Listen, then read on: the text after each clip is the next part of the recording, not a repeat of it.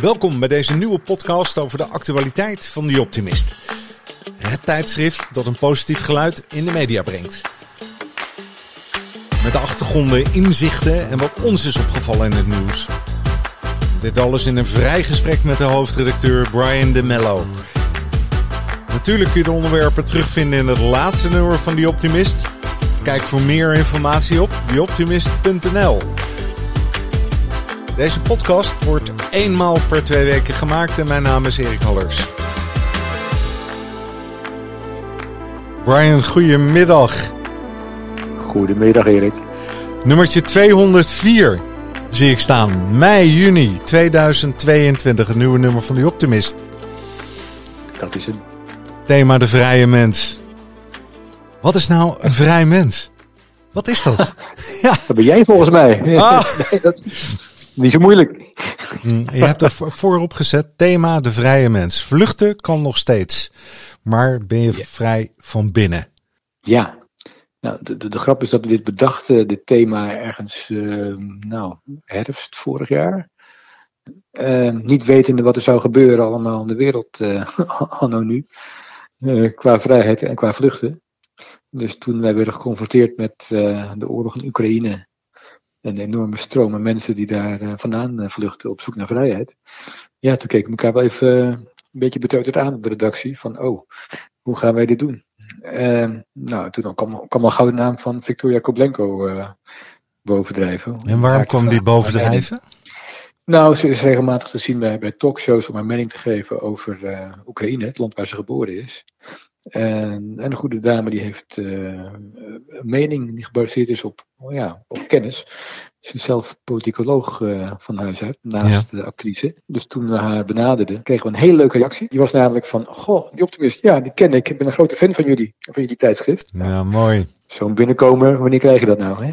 Dus uh, de afspraak voor een interview was snel geregeld. Ja, dat, dat artikel van haar, dat heeft als titel Probeer je blik te houden op de mooie dingen. Dat is de aanrader van haar. Ja, klopt. Ik vroeg haar van hoe blijf jij nou optimistisch met, als je ziet wat alles wat er gebeurt in, uh, in Bucha en in allerlei andere plekken waar het uh, compleet misgaat. En ja, toen uh, vertelde ze over de, nou, over de natuur van de Oekraïense mens. Ja. En ook over de, ja, de, de verstandvastigheid en uh, het hoopvol zijn en over dat er nog steeds uh, goede foute grappen worden gemaakt in Oekraïne. Uh, over dingen die er gebeuren. Ja. Die, die veerkracht, ja, die zit wel daar in de, in de aard van de mensen. Ja, maar ze heeft hè, tot haar twaalfde, als ik het goed ja. begrijp, heeft ze daar gewoond. En natuurlijk familie heeft ze daar.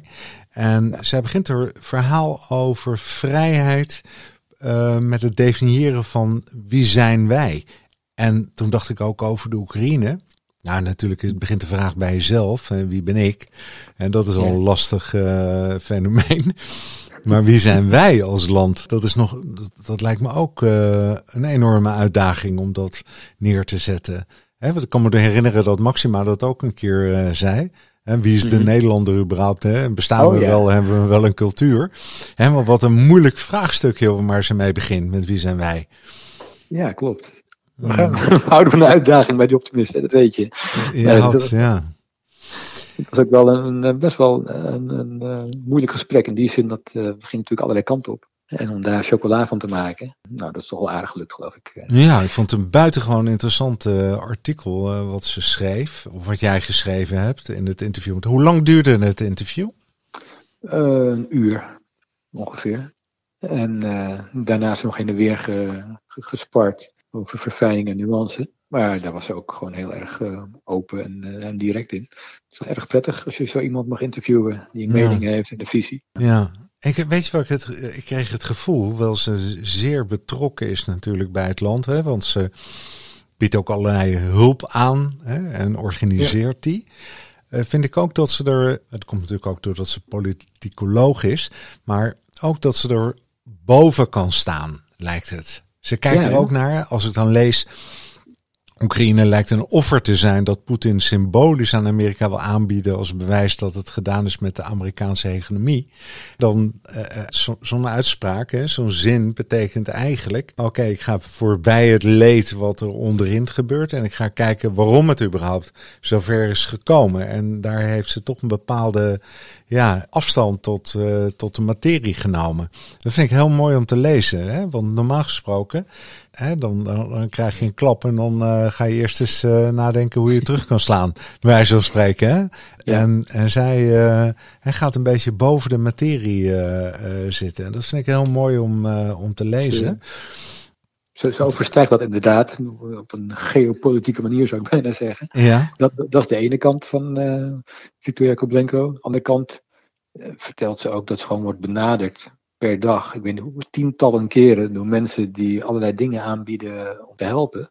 Ja. Waar ze soms uh, ja tegen zeggen, soms nee tegen moet zeggen. En dat varieert echt van uh, Goh, ik, uh, ik wil graag een Oekraïense uh, uh, gezin opnemen, maar dan graag een, dame van niet ouder dan 35, met maximaal twee kinderen van 12. ik ben zelf vrijgezel van 36.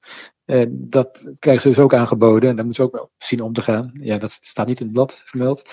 Nee. Maar dat vertelt ze dan tussen de regels door. Ja, dat, dat gebeurt dus ook. Dus haar bekendheid probeert ze ook in te zetten voor het goede. Door dingen te organiseren die wel hout snijden, die wel impact maken. Ja. ze heeft het ook over het vrijheidsvirus. Ik denk ook dat dat een virus is, hè? Dat, ja, ik weet, we weten nog steeds niet wat het is, wie we zelf zijn en hoe op, hè? Wat we als land zijn. Mhm. Maar een of andere definitie van vrijheid, dat dat uh, als een virus uh, werkt.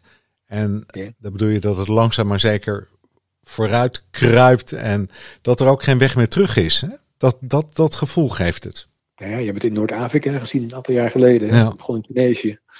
En, en wat het Oostblok betreft, nou ja, daar is genoeg in die geschiedenis te kijken, te zien uh, hoe dat is gegaan en hoe het is uh, neergeslagen en dan weer opgekomen. Ja. Ik denk dat meneer Poetin erg bang, bang is dat het virus uh, in Rusland gaat rondwoekeren. Ja. Dat hij de grip verliest. Ja, dat, dat ziet zij heel duidelijk zo, ja. Ja.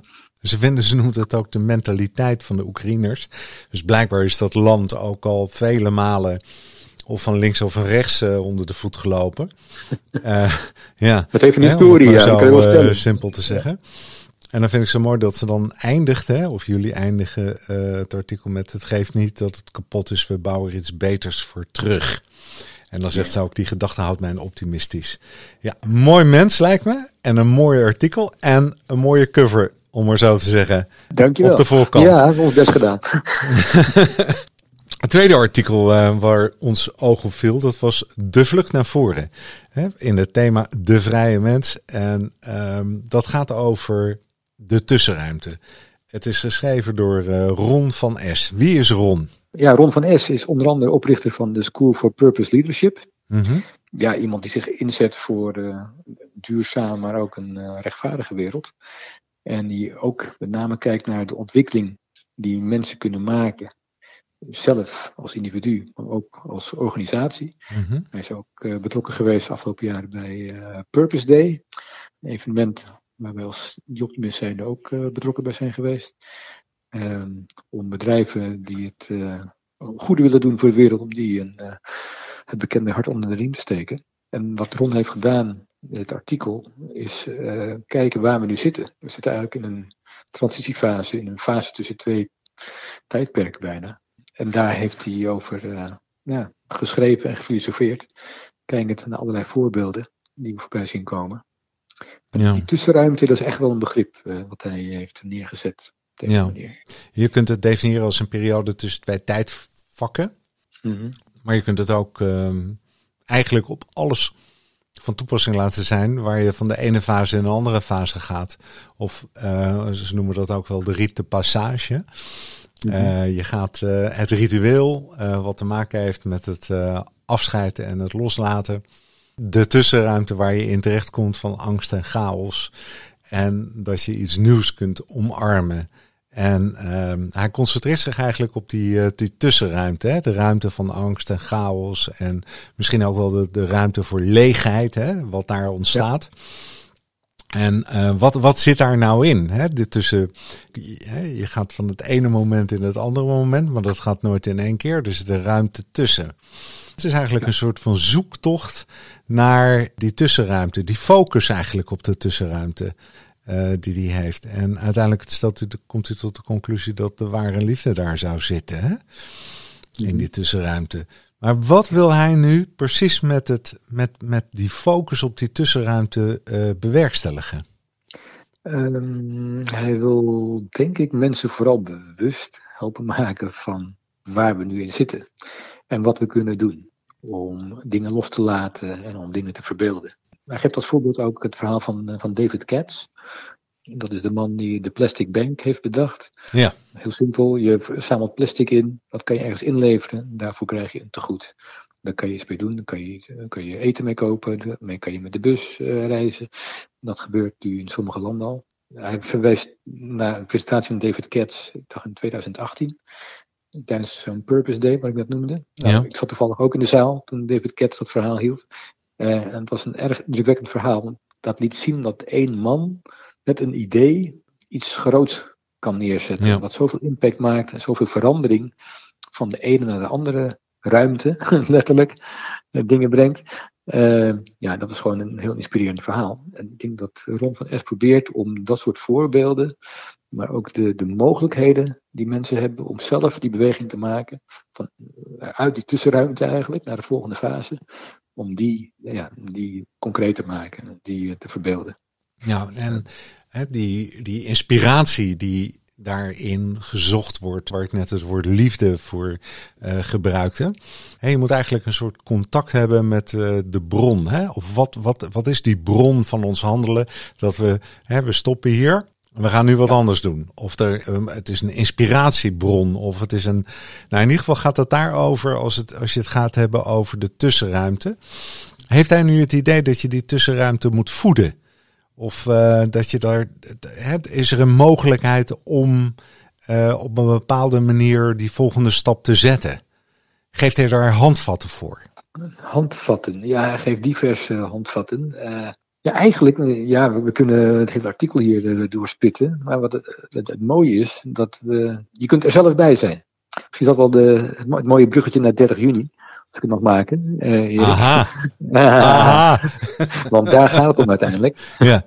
Wat, wat Ron ook wil, uh, ik raak met hem in gesprek over de, de podcastserie die hij heeft gemaakt. Uh, die gaat over de tussenruimte. Hij heeft daarvoor mensen geïnterviewd.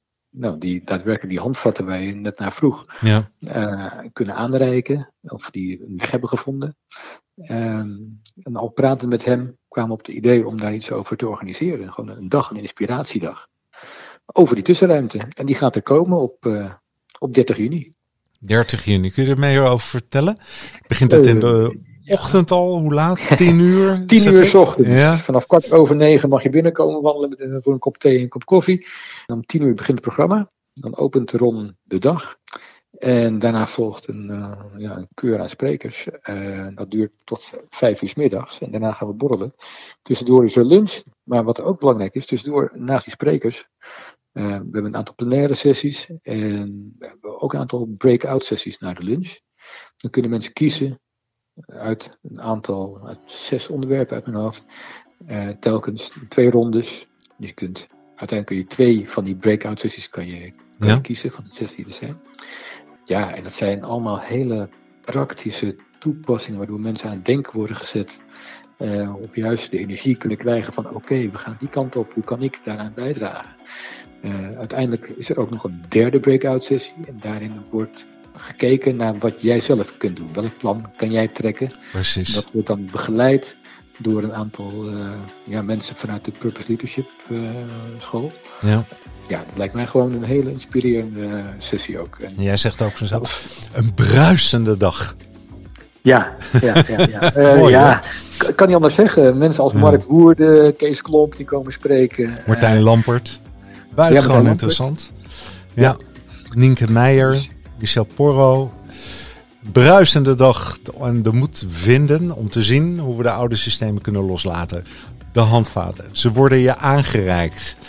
Uh, samen de kracht van de verbeelding om de nieuwe wereld te omarmen. Maar dan denk ik, ja, de wereld, de wereld, dat is zo groot. Maar wat doe ik zelf? Wauw. Daar moet Jij het natuurlijk de om wereld, eh, ik ben de wereld. Dat is weer mooi hoor. hey, ehm, ik zeg, als een haas naar de boekhandel, de Optimist kopen. En een kaartje voor 30 juni 2022 op de site van de Optimist. Tot de volgende keer. Tot de volgende keer. Tot snel. Oké. Dag Brian. Dag. Hoi.